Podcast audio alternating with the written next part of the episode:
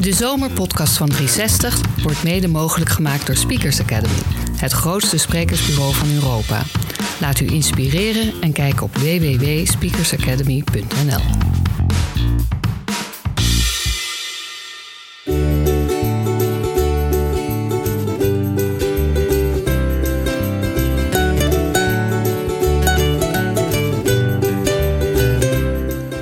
Welkom bij de laatste aflevering van de 360 Zomerpodcast. U weet wel, dat fantastische blad waarin u elke twee weken het beste uit de internationale pers kunt lezen, in print en online. De afleveringen hiervoor werden gelezen door Adriaan van Dis, Sophie Hilbrand, Jan Mulder en Jan Lemfrink. In de laatste lees ik zelf, Katrien Gottlieb, hoofdredacteur van 360. Het verhaal wat ik gekozen heb is van Tim Winton, wat hij voor het magazine Places Journal in San Francisco schreef. En het gaat over Australië, het land waarin hij is opgegroeid en wat hij het grootste eiland ter wereld noemt. Het is een prachtig verhaal omdat uh, alles erin zit: uh, beschouwing, uh, literatuur, vergelijkingen, introspectie. Hoort zelf wel.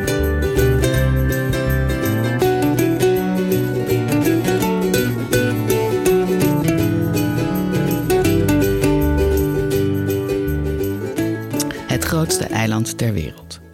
De bevolkingsdichtheid van Australië is buitengewoon laag. Er is volgens schrijver Tim Winton meer landschap dan cultuur, meer lucht dan materie, meer rust dan beweging en meer ruimte dan tijd. Het blijft hem imponeren. Ik ben opgegroeid op het grootste eiland ter wereld. Ik heb de neiging dat onlogenbare feit zo makkelijk te vergeten dat ik mezelf er zo nu en dan aan moet helpen herinneren. Maar in een tijdperk waarin een cultuur zichzelf vooral onderzoekt via de politiek en de ideologie, is dat vergeten van mij zoiets bazaals misschien niet zo verrassend. Onze gedachten zijn vaak elders. De materiële zaken van het leven, de organische en concrete krachten die ons vormen, worden over het hoofd gezien, alsof ze onbelangrijk zijn of zelfs licht gênant, ons menselijk bestaan wordt in toenemende mate geregistreerd, gemeten, bediscussieerd en beschreven in abstracte termen. Misschien verklaart dat mede waarom iemand zoals ik, die eigenlijk beter zou moeten weten, kan vergeten dat hij een eilandbewoner is. Australië als fysieke plek wordt voortdurend overschaduwd door Australië als staat, Australië als economische onderneming. De kracht van dergelijke begrippen valt niet te ontkennen, maar er zijn meer krachten aan het werk. Steeds vaker ben ik me bewust van de mate waarin geografie, afstand en weersomstandigheden mijn smaak, fantasie en verwachtingen hebben gevormd. Het eiland heeft niet alleen als achtergrond gediend. Met het landschap voel ik me net zo verbonden als met familie. Zoals veel Australiërs ervaar ik de tektonische aantrekkingskracht, een soort heimwee naar familie, het sterkst als ik in het buitenland ben. Toen ik in de jaren tachtig in Europa woonde, ging ik er abusiefelijk van uit dat ik me alleen door de taal en de geschiedenis onderscheidde van inwoners van de oude wereld. Alsof ik eigenlijk een hybride Europees product was van mijn opvoeding. Maar ik had mijn geografie te weinig eer toegekend, net als degenen die mij hadden onderwezen dat hadden gedaan. Dan heb ik het niet over wat ik had gelezen en wat niet. Mijn fysieke reactie op een nieuwe omgeving bracht me van mijn stuk. Het was alsof mijn lichaam in opstand kwam. Buiten de grote steden en de lieflijke dorpjes van de oude wereld kreeg ik het gevoel dat mijn bedrading door de war lag. Ik had verwacht dat ik de oude monumenten zou waarderen en de natuur prachtig zou vinden, maar eigenlijk deed zich het tegenovergestelde voor. De immense schoonheid van veel gebouwen en stadsgezichten raakte me diep, maar in de natuur, waar ik me gewoonlijk het meest op mijn gemak voel, aarzelde ik. Hoewel ik echt onder de indruk was van wat ik zag, voelde ik me er lichamelijk en emotioneel niet mee verbonden. Omdat ik afkomstig ben uit een vlak en droog continent, verheugde ik me op de hoge bergen en kolkende rivieren, welige valleien en vruchtbare vlaktes. Maar toen ik dat alles in het echt zag, voelde ik er tot mijn verbijstering eigenlijk niets bij. Mijn voornamelijke eurocentrische opvoeding had me voorbereid op een gevoel van herkenning. Maar dat ervaarde ik niet zo, heel verwarrend. De schilderijen en gedichten over de plekken ontroerden me nog steeds. Dus ik begreep niets van het merkwaardig ongeduld dat me bekroop als ik ze in werkelijkheid zag. Waren het geen schitterende landschappen en panorama's? Ja, natuurlijk wel. Hoewel soms een beetje te veel van het goede. Voor iemand die in een kaal landschap is opgegroeid, zag dat er vaak te schattig uit. Het was mooi, meer zoet zelfs. Ik had voortdurend het gevoel dat ik het niet begreep. In de eerste plaats worstelde ik met de schaal. In Europa lijken de dimensies van de fysieke ruimte samengeperst. De dreigende verticale aanwezigheid van bergen ontnam me de horizon. Ik was het niet gewend om in zo'n ruimtelijke inperking te leven. Zelfs een stad met wolkenkrabbers ademt meer dan een besneeuwde bergketen. Bergen vormen een massieve barrière, een obstakel, zowel conceptueel als visueel als fysiek. Steile bergwanden reizen niet gewoon omhoog, ze dringen zich op, maken zich groot en hun massiviteit is intimiderend. Voor een West-Australiër als ik, die gewend is aan vlak landschap en die juist uit de ruimte zijn energie haalt, is het effect claustrofobisch. Volgens mij was ik voortdurend intuïtief op zoek naar afstanden die er niet waren. Mat ik eenvoudigweg te weinig ruimte om me heen. In de tweede plaats, en dat was nog belangrijker, stoorde het me dat, er, dat ieder landschap sporen droeg van menselijk handelen en technologie. Natuurlijk vind je ook in de meest afgelegen gebieden in Australië kenmerken van menselijke activiteiten. Vroegere vuurregimes hebben leefgebieden gevormd en er zijn schilderingen en rotstekeningen gevonden op plekken waar nooit mensen lijken te hebben gewoond. Maar vele aanpassingen, veranderingen en verfraaiingen door de Aboriginals zijn zo bescheiden dat ze nauwelijks opvallen voor het ongeoefende oog, zijn ze eigenlijk onzichtbaar. In Europa daarentegen zijn zelfs de indrukwekkendste en ogenschijnlijk meest verlaten landschappen onmiskenbaar veranderd. In de bergen lijkt achter iedere pas of bocht nog een tunnel te zijn, een kabelbaan, een chic resort of barst het van de reflecterende verkeers- of reclameborden. In een achteraf bioscoopje in Parijs aan de Rue du Temple, waar ik samen met mijn zoon naar Peter Pan van Walt Disney keek, ontdekte ik dat ik, hoewel we in het flikkerende donker allemaal naar hetzelfde scherm zaten te kijken, een andere film zag dan de rest van de zaal. Wat voor Parijse kinderen een exotische fantasie leek, zag er voor mij uit als thuis. Ik kende geheime grotten en schuilplekken zoals die van de verloren jongens. Ik was opgegroeid in een wereld van rotseilandjes, boten en donkere wildernis. In mijn beleving was alleen de kille, eenzame kinderkamer op zolder bij de familie Darling onbekend terrein. Zonderling zelfs. De enorme vrijheid van nooit gedacht land zonder het toezicht van volwassenen was voor mij heel vertrouwd. Ik zag de film voor de zoveelste keer, maar nu met een andere blik. Ik lette niet op het verhaal, maar concentreerde me gretig op de achtergrond en begreep dat ik een totale vreemde was in die omgeving. Door dat te erkennen werden mijn jaren in het buitenland makkelijker te verteren en kon ik er meer van genieten. Toen ik in 1960 werd geboren, was de bevolkingsdichtheid één inwoner per vierkante kilometer. Vijftig jaar later is de bevolking verdubbeld maar de dichtheid is nog steeds buitengewoon laag. Ondanks een menselijke geschiedenis van 60.000 jaar is Australië nog steeds een plek met meer land dan mensen, meer geografie dan architectuur. Maar het is nooit leeg geweest. Sinds mensen voor het eerst uit Afrika helemaal naar dat oude stuk Gondwana liepen, toen het nog niet zo ver van Azië en de rest van de wereld aflag, is het veranderd en gemythologiseerd, belopen en bezongen. Mensen zongen, dansten en schilderden hier veel, vele tienduizenden jaren voor de komst van de toga en de sandaal. Dat is de echte oudheid. Weinig landschappen zijn al zo lang gekend. En nog minder landschappen zijn nog steeds zo dun bevolkt. Hier hebben de mensen anders geleerd te leven, omdat de omstandigheden uniek waren. In plaats van vier seizoenen waren er vijf, soms wel zes. Water was schaars. De dunne laag aarde was weinig vruchtbaar wat weer een unieke fauna en flora opleverde. Om hier te overleven moest je je wel heel specifiek aanpassen. De geschiedenis van Australië is doordrenkt van menselijk handelen en toch heeft er altijd veel ruimte gezeten tussen die ragfijne cultuurdraden. Ze zijn sterk, maar onderling zo strak met elkaar verbonden dat ze moeilijk van elkaar te onderscheiden zijn.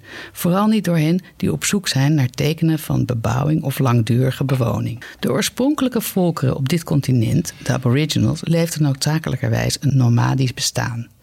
Hun verblijf in een bepaald gebied was seizoengebonden, soms zelfs puur toevallig. Met verre maar geliefde gebieden bleven ze verweven via een web van liederen en rituelen, zodat land dat fysiek niet werd bewoond toch nooit leeg was.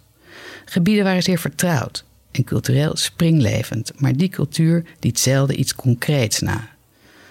Artefacten en constructies waren over het algemeen een kort leven beschoren en beeldende kunst moest ieder seizoen worden vernieuwd. Net zoals een kind werd verwekt door als een beeld te verschijnen in een waterpoel voordat een vrouw zwanger werd. Twee eeuwen nadat deze manier van leven voor goed werd vernietigd, is Australië nog steeds een gebied waar meer landschap is dan cultuur. Ons eiland duidt niet de mate van menselijke controle en fysieke aanwezigheid die op de meest andere continenten geldt. En dat zal waarschijnlijk altijd zo blijven. Ik beweer niet dat Australië geen cultuur heeft of dat het cultureel leven er onbeduidend is. Maar de meeste Aziatische en Europese landen kunnen in menselijke termen worden beschreven. Als je het over India, China, Italië, Frankrijk of Duitsland hebt, krijg je er al snel beelden bij van menselijk handelen en artefacten. Maar bij Australië zijn de associaties van niet-menselijke aard. Natuurlijk staat de vindingrijkheid van de inheemse cultuur buiten kijf, maar zelfs die wordt overschaduwd door de schaal en alom aanwezigheid van het land dat tot die vindingrijkheid heeft aangezet. Geografie overtroeft alles. Ze is de basis van alles. En na eeuwen Europese kolonisatie is dat nog steeds zo. Want geen enkele prestatie van na de invasie, geen stad en geen hoogoprijzend monument kan wedijveren met de grandeur van het land. En dat is geen romantisch idee. Alles wat we in dit land doen, wordt nog steeds overtroffen door de onstuimige kracht van de natuur.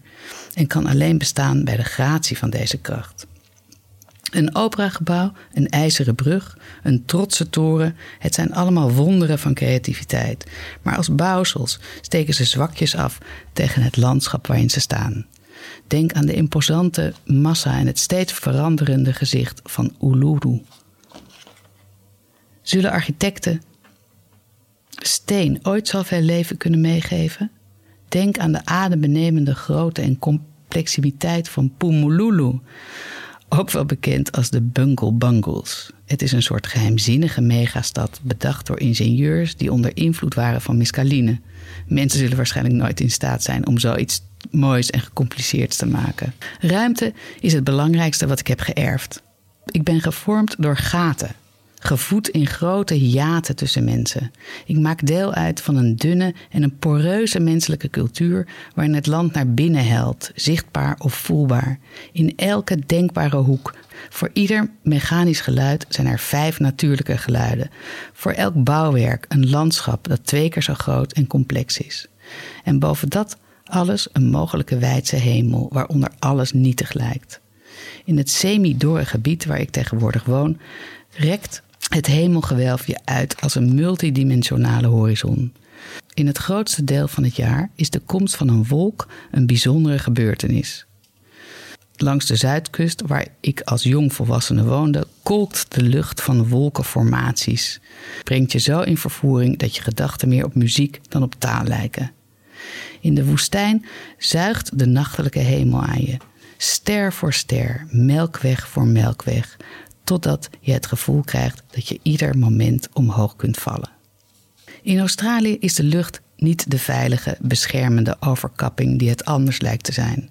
Het is het dunst denkbare vlies, nauwelijks toereikend als bescherming voor aardse wezens tegen de eeuwigheid.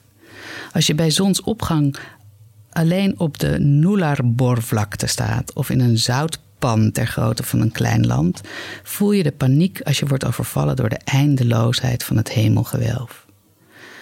Het heeft gevaarlijke dieptes en oceanische bewegingen.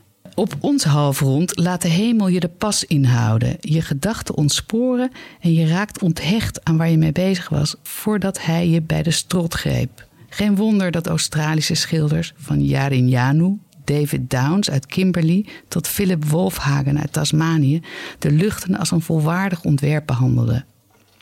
Ondanks de frustraties bij sommige critici die vinden dat die schilders wat verhevener onderwerpen hadden moeten nemen, waarmee ze bedoelen dat die minder bepaald moeten zijn door de plek waar je woont. Voor sommige eilandbewoners is het specifieke van de plek te veel van het goede. Ze ontworstelen zich aan het isolement van Tasmanië.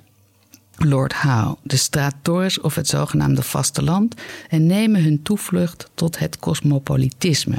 En wie zou ze dat kwalijk kunnen nemen? Australiërs voelen al lang die onrust. Omgeven door zee, grenzend aan geen enkel ander land, worden ze nieuwsgierig en rusteloos. Krijgen ze het benauwd van steeds weer dezelfde omgeving. Als je op een eiland woont, zal het gras elders altijd groener zijn, omdat je er over de grens heen niet naar kunt kijken. In gedachten maak je de gebieden over zee groener dan ze zijn. Eilandbewoners spiegelen zich verre paradijzen voor. Australiërs reizen graag. Overal ter wereld kom je ze als expat tegen. Soms kom je er nog eentje van de oude stempel tegen, voor wie dat zelfgekozen ballingschap gevoelig ligt. Alsof hun landgenoten hun gedrag afkeuren, zoals in de jaren 50. De defensiefste onder hen verachten degene die in hun eigen land zijn gebleven. En het is leerzaam en ontroerend om te zien hoe sommigen later in hun leven terugkeren om de banden te herstellen. Onzeker of hun vaderland nu vriendelijker is geworden of dat hun eigen gevoelens in de loop van de tijd warmer zijn geworden. Het valt niet te ontkennen dat Australië iets meedogenloos fysieks heeft, maar ook iets irritant paradoxaals. Want ook de positiefste waarnemer ervaart bij dit continent soms meer lucht dan materie, meer rust dan beweging, meer ruimte dan tijd. Het land is zelf bewegingloos. Het blijft imponeren. Het grift zich in het lichaam en om het te doorgronden probeert de geest het voortdurend te lezen. Daarom zijn Australische schrijvers en schilders nog steeds zo geobsedeerd door het landschap, ondanks het postmoderne en bijna postfysieke tijdperk waarin we leven en werken. Niet dat we met de tijd meegaan. We wonen op een plek waar nog steeds met de materie in het leven wordt geworsteld. Er is daar zoveel meer van dan van ons. We zijn eeuwig in gevecht om ermee in balans te komen. De ontmoeting tussen ons en het land is een levenstaak. Elders is die strijd al lang beslecht en trekt de natuur zich struikelend terug. Maar hier blijft ons leven in de natuur een open vraag en ons antwoord zal niet alleen onze cultuur en onze politiek bepalen, maar ons ook overleven. Een schrijver die geobsedeerd is door het landschap moet voortdurend een vreemde spanning voelen tussen binnen en buiten. Ik ben zo overgevoelig voor weersomstandigheden en zo belust op fysieke sensaties dat ik een genante hoeveelheid energie stop in het verwoed beramen van ontsnappingsplannen, net als vroeger op school. Wanneer ik als leerling naast een raam zat, was ik de klos. En nu ben ik niet veel anders. Ik kan niet eens een schilderij in mijn werkkamer ophangen, want een schilderij is toch een soort raam. Mijn gedachten worden naar buiten getrokken. Ik raak in trance. Wat een romantische manier is om te zeggen dat ik geestelijk een wrak ben. Dus meestal schrijf ik in een donker kamertje met mijn rug naar het uitzicht. Wat betekent dat ik vaak de kamer uitga om buiten in de zon even de wind op te staan snuiven, naar de lucht te kijken. Het is zoiets als het dwangmatige bijstellen van een klep. Soms voelt het beter als ik het heb gedaan. Meestal heb ik er spijt van. De volwassene in mij geeft toe dat ik tenminste even buiten ben geweest, maar het kind in me voelt alleen maar des te meer wat hij mist.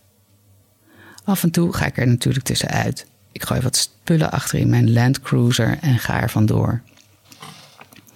Ik rijd door tot zonsondergang en als ik stop ben ik al een totaal ander mens. Die uitstapjes hebben geen ander doel dan om van de wijdse ruimte te genieten, mijn tentje op te zetten in, in een droge rivierbedding of een duindal bij het vuur te gaan zitten en de sterren als kippenvel aan de hemel te zien verschijnen. Die spontane tripjes beginnen als een vlucht naar buiten en dat klinkt alsof het een ontsnapping is. Maar het is meer een antwoord op een roep. Al heel snel na vertrek voel ik een soort kracht en lijkt het alsof ik gehoor geef aan een impuls naar huis. Liggend onder de nachtelijke hemel ervaar ik de merkwaardige sensatie van terugkeer en herstel, dat ergens lijkt op hoe ik me voelde als kind wanneer ik via de achterdeur naar binnen ging en de schuimige geur van was goed rook en het vertrouwde gesputter van de tobbe die vol liep verderop in de gang. Toch is teruggaan naar huis niet altijd gezellig. Het kan ook verbijsterend zwaar zijn. De plekken die mij het dierbaarst zijn, kunnen soms heel moeilijk bereikbaar zijn. Ze zijn grimmig, woest, onvoorspelbaar. En net als zwijgzame familieleden en wantrouwende schoonfamilieleden zeggen ze niet altijd duidelijk wat ze bedoelen. Aan het ontbijt kijken ze je vuil aan en doen ze hun uiterste best om je verblijf zo onaangenaam mogelijk te maken. Je komt chagrijnig en confuus aan, onvoorbereid op het ingewikkelde familieleven en wordt vanaf het begin op het verkeerde been gezet. Weinig plekken in ons land zijn aangenaam en gastvrij. De streken die ik het beste ken zijn bijzonder moeilijk begaanbaar en mijn tijdelijke habitat in het westen van Australië is heel moeilijk te bereiken. Het is vijandig, droog, irritant, vernederend zelfs. En soms voel ik me na een bezoek daar net zo uitgeput en wanhopig als een gast op een kerstlunch. Me afvragend waarom ik eigenlijk al die moeite heb gedaan. Maar bij zo'n tocht naar huis gaat het er toch ook om dat je je onderwerpt aan het ongemakkelijke van het vertrouwde. Als een ongelukkig kind ga je ondanks alles terug, op zoek naar meer. Probeer je altijd maar weer die familiepuzzel te ontraadselen. Toch ondervind je voldoening, alleen al van het proberen, omdat je je open blijft stellen voor het mysterie. Want je weet dat als je opgeeft, je helemaal niets hebt. Dit land drukt op je, drukt zwaar op je, net als familie. In mijn opvatting is het, is het familie. Hoe we ook leven en hoe we ook over onszelf denken, de gesublimeerde feiten van onze fysieke situatie zijn altijd aanwezig. En zoals bewegend water stenen slijpt in nieuwe en vaak de gekste vormen, drukt het land zwaar op je, altijd maar schurend, duwend, slijpend. Meestal merken we nauwelijks iets van die wrijving. In het onstoffelijke tijdperk van de digitale technologie en de concessiecultuur zijn er periodes waarin zelfs een Australiër in zijn eigen land het gevoel kan hebben dat hij of zij overal zou kunnen zijn. Of misschien wel nergens.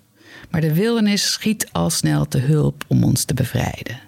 De druk van de geografie laat zich duidelijk en onmiskenbaar gelden en herinnert ons eraan dat we natuurlijk alleen maar hier kunnen zijn. Generaties lang hebben ze op school de lofzang gezongen op de schoonheid van Australië, maar ook op haar verschrikkingen. We wisten altijd dat we onderworpen waren aan de grillen van het wijdse bruine land. En omdat weersextremen vaker zullen voorkomen, zal dat onderliggende gevoel van kwetsbaarheid nooit minder worden. Bosbranden bedreigen nu niet alleen de houten huizen in buitenwijken van grote steden, maar dringen ook verwoestend door in de voorsteden van grote steden en zaaien daar angst en paniek onder de bevolking. Overstromingen zijn niet meer alleen de nachtmerrie van dorpjes aan een rivier in het binnenland. Enkele jaren geleden is Brisbane getroffen door een watersnoodramp. Onze grote steden aan de kust, zoals Perth, worden al lang geteisterd door droogte, dat het zonder grote ontziltingsinstallaties geen levensvatbare woonplaatsen meer zouden zijn. In dit land hebben geografie en weer altijd een belangrijke rol gespeeld. En gezien de huidige ontwikkelingen zullen die ook niet gauw naar de achtergrond verdwijnen. Je hoeft alleen maar op straat te staan in een zakenwijk op het vasteland en het woestijnstof als regen op het vaststaande verkeer te zien vallen en je weet genoeg. Wat we onszelf ook wijsmaken, we zijn de natuur nog niet kwijt en de natuur is nog niet klaar met ons. In de loop der tijd heeft het land mensen altijd veranderd. Velen van ons schrikken ervan hoe anders we zijn dan onze criminele voorouders die hierheen waren geïmmigreerd. Want dit is een plek waar mensen uiteindelijk vervreemden van hun herkomst. Het land bezit sterke krachten die mensen vervormt, verandert. Die krachten beïnvloeden onze gedachten en gewoonten, onze taal, onze zintuigen. Hoe halstarrig velen van ons zich er ook tegen verzetten, toch worden we er op de een of andere manier door geraakt. Tijdens mijn leven zijn Australiërs het woord land gaan gebruiken zoals de Aboriginals dat doen. Namelijk om te beschrijven wat mijn bed, bed, bed overgrootouders vast en zeker territorium genoemd zouden hebben. Een familiale, relationele term heeft een objectievere en hebzuchtigere term verdrongen. In de loop der generaties heeft koloniale verachting langzaam met horten en stoten plaatsgemaakt voor bedeesdheid. Dat werd verdrongen door een affectie gekleurd door ambivalentie en onzekerheid. En in de afgelopen decennia is er een toenemende bewondering en eerbied voor het land waarin we ons bevinden. Ook het patriotisme heeft postgevat. Een patriot hoeft zich niet langer te wijden aan een abstractie, zoals de staat. Nu zal een patriot evengoed respect kunnen hebben voor het netwerk van ecosystemen die een maatschappij mogelijk maken en een ware patriot zal dat hartstochtelijk verdedigen zowel tegen bedreigingen van binnenuit als van buitenaf, alsof hij het land als zijn vrienden en verwanten beschouwt. Daarom schrijven we erover, daarom schilderen we het, vanuit liefde en verwondering, irritatie en vrees, hoop en wanhoop, want net als familie laat het zich niet naar het tweede plan verschuiven.